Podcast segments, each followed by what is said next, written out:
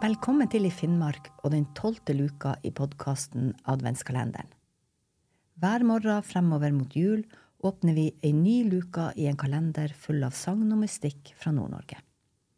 Historiene er samla inn og skrevet ned av Roald Larsen. Fortellingene er henta fra hans siste bok, Isgåten og andre oppsiktsvekkende fortellinger. Og jeg, Helle Østvik, leser direkte fra boka.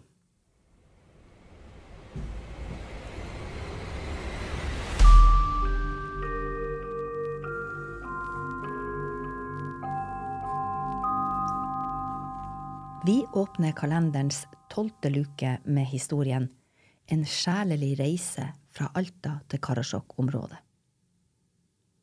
Ellen Marit Sara er en synsk helbreder fra Alta. En dag ble hun kontakta over mobilen av Marie, ei kvinne fra et sted i Karasjok-området. Hun bodde alene, men hun hadde ofte besøk av slektninger og venner som gjerne overnatta hos henne. Marie sa til Ellen at hun trengte hjelp fordi det var så mye kaos og uro i huset. Det var stadig feil på elektrisk anlegg, og ting forsvant ofte på uforklarlig vis. I tillegg kunne både hun og gjestene ofte høre hvisking, hosting og snakking uten at de så noen. Ellen spurte om Marie kunne høre hva slags språk som ble brukt. Men det kunne hun ikke redegjøre for, fordi hun ikke fikk med seg hva som ble sagt men følgene av all denne uroen var i hvert fall at hun og gjestene ble trøtt og sliten og sov dårlig. Ellen ba om å få adressen til huset og Maries fulle navn.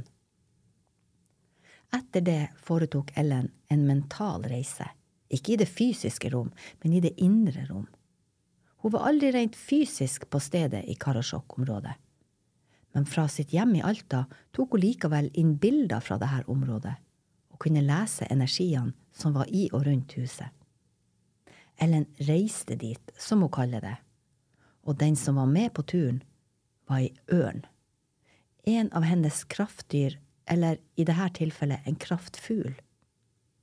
Ørna var ikke virkelig der i fysisk forstand, men Ellen så den tydelig med sitt indre blikk under ferden mens hun sjøl lå på gulvet i sitt hjem. Ørna hjalp Ellen med å få oversikt men samtidig fange inn små detaljer fordi synet til fuglen er så godt. Ellen bruker gjerne ørnefjær når hun behandler folk i forbindelse med healing. Hun skanner kroppen deres, vil si hun gjennomsøker og avlese den, og fjerne det som er av negativ energi. Og deretter tilføyer hun den livskraft og vitalitet. Fremgangsmåten er som følger. Hun holder ørnefjerna i handa og beveger den over hele kroppen. Denne prosessen skjer etappevis. Først holder hun fjæra over beina, så sjølve kroppen, og deretter hals på hodet til den hun skal behandle. Hun overfører livsenergi til de ulike kroppsdelene etter tur. For hun har erfart at det fremmer bedre enn helbredelsesprosess. Det er likevel en helhetlig behandlingsform hvor målet med behandlinga, i tillegg til å fjerne de lokale sykdomssymptomene, er å styrke pasientens generelle tilstand. Flere av de personene som Ellen healer, sier da at de kan kjenne alt fra varme, kulde, prikkinger og stikkinger i kroppen sin, nesten som en slags strøm gjennom kroppen. Healingens energi kan i likhet med elektrisk strøm ikke sees men er likevel der, som en realitet. Den første gangen hun så denne ørna i sjelelig forstand, var i forbindelse med en trommereise som hun foretok sammen med noen andre. Trommereise er en opplevelse av å reise innover i seg sjøl eller ut av kroppen, ved hjelp av rytme eller tromming. Opplevelsen inngår som sentral praksis i mange tradisjonelle former for sjamanisme, inkludert samisk religion hvor Noaiden, en samisk sjaman, kan bruke en runebomme for å reise til åndeverden. Ifølge denne troen har alle mennesker kraftdyr, et som vi er født med, og noen som er med oss for kortere eller lengre tid. Et kraftdyr kommer gjerne til syne under en trommereise, og er dyret med de egenskapene vi trenger for å kunne overleve og fortsette vår livstid videre. Tidligere i livet opplevde Ellen å møte ei ørn i virkeligheten også. Det var vinter, og hun var på tur med familien. Da kom det ei ørn som svevde lenge og lavt over dem. Fuglen var så nær dem at hun så alle detaljene ved den. Familiemedlemmene stussa over det her, fordi de hadde aldri sett ei ørn fly så nært folk på denne måten. Ellen tenkte den gangen ikke så mye på det som hendte, men hennes møte seinere med ørna i sjelelig forstand gjorde at hun nok tok til å forstå at det kanskje var hun den hadde sirkla rundt.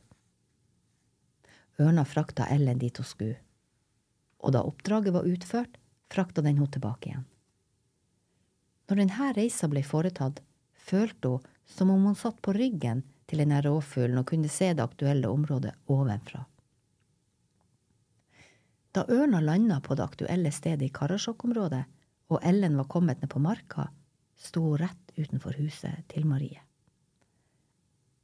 Her oppdaga hun småfolk som hadde samla seg utenfor huset, men som eieren og andre personer som var der, sjøl ikke så.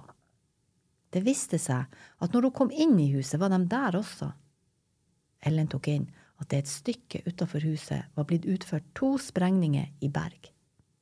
Inne i huset kunne hun kjenne vibrasjonene som var forårsaka av sprengningene. Det hadde svært rystelser som minte om jordskjelv. Ellen visste av erfaring at dersom man hadde gjort noe mot det her folket som man ikke skulle, så tar de til motverge. I dette tilfellet forstyrra de husfreden.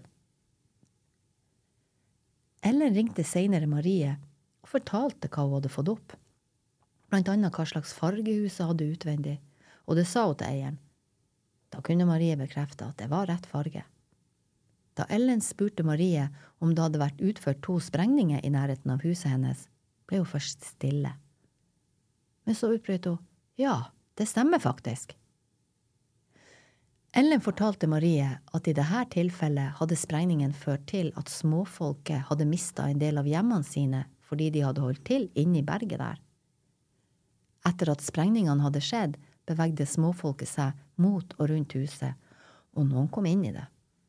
Småfolket var litt irritert og sint på grunn av de sprengningene som hadde skjedd, og de her negative energiene påvirka dem som var inni der.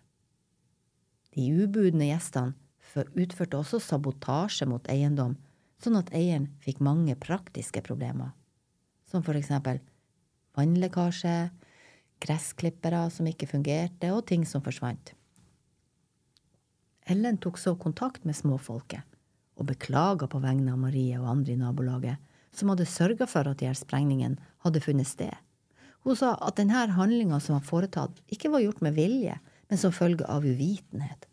Hun sa at menneskene i området følte anger for det de hadde gjort, og at de ønska at det skulle være fred og godt naboskap. Noen av småfolket var litt motvillige i starten til det Ellen hadde å si. For det er som med menneskeslekten, noen er litt mer sta og vanskelig enn andre. Men Elle syntes at denne kommunikasjonen alt i alt gikk nokså greit, og småfolket syntes å godta unnskyldningen. Da småfolket slutta fred og dro sin vei, ble det mye roligere. Men helt rolig ble det ikke. Ellen fikk opp en mann. En jordbunden sjel som ikke hadde gått inn i lyset da han døde. Han skapte uro i form av dårlig energi, som Marie og de som i perioder oppholdt seg i huset, ble påvirka av. Den gjengangeren hadde særlig på slutten av livet vært veldig syk og dårlig, og de sykdomssymptomene som han hadde hatt, merka de i kroppen sin. Som følge av det kunne de ofte føle seg sliten og lite energi.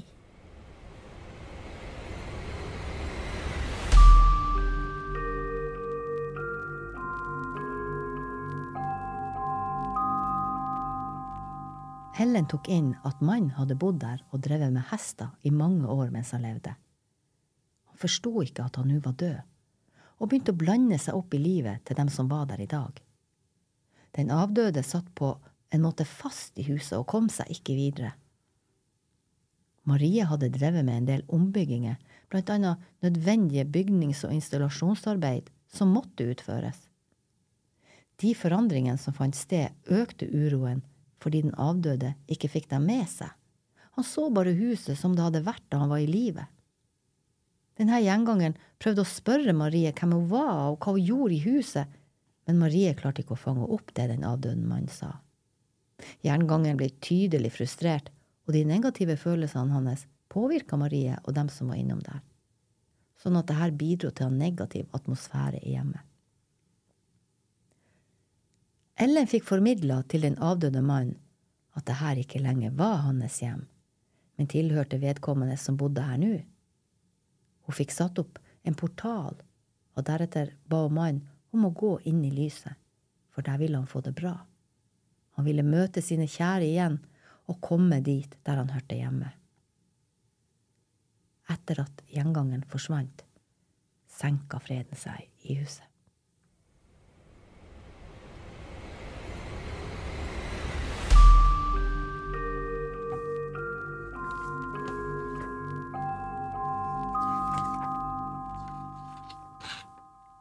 Det var tolvte luke i, i Finnmarks podkast Adventskalenderen. Mitt navn er Helle Østvik, og jeg har lest historien En sjelelig reise fra Alta til Karasjok-området. Fra Roald Larsens siste bok Isgåten og andre oppsiktsvekkende historier.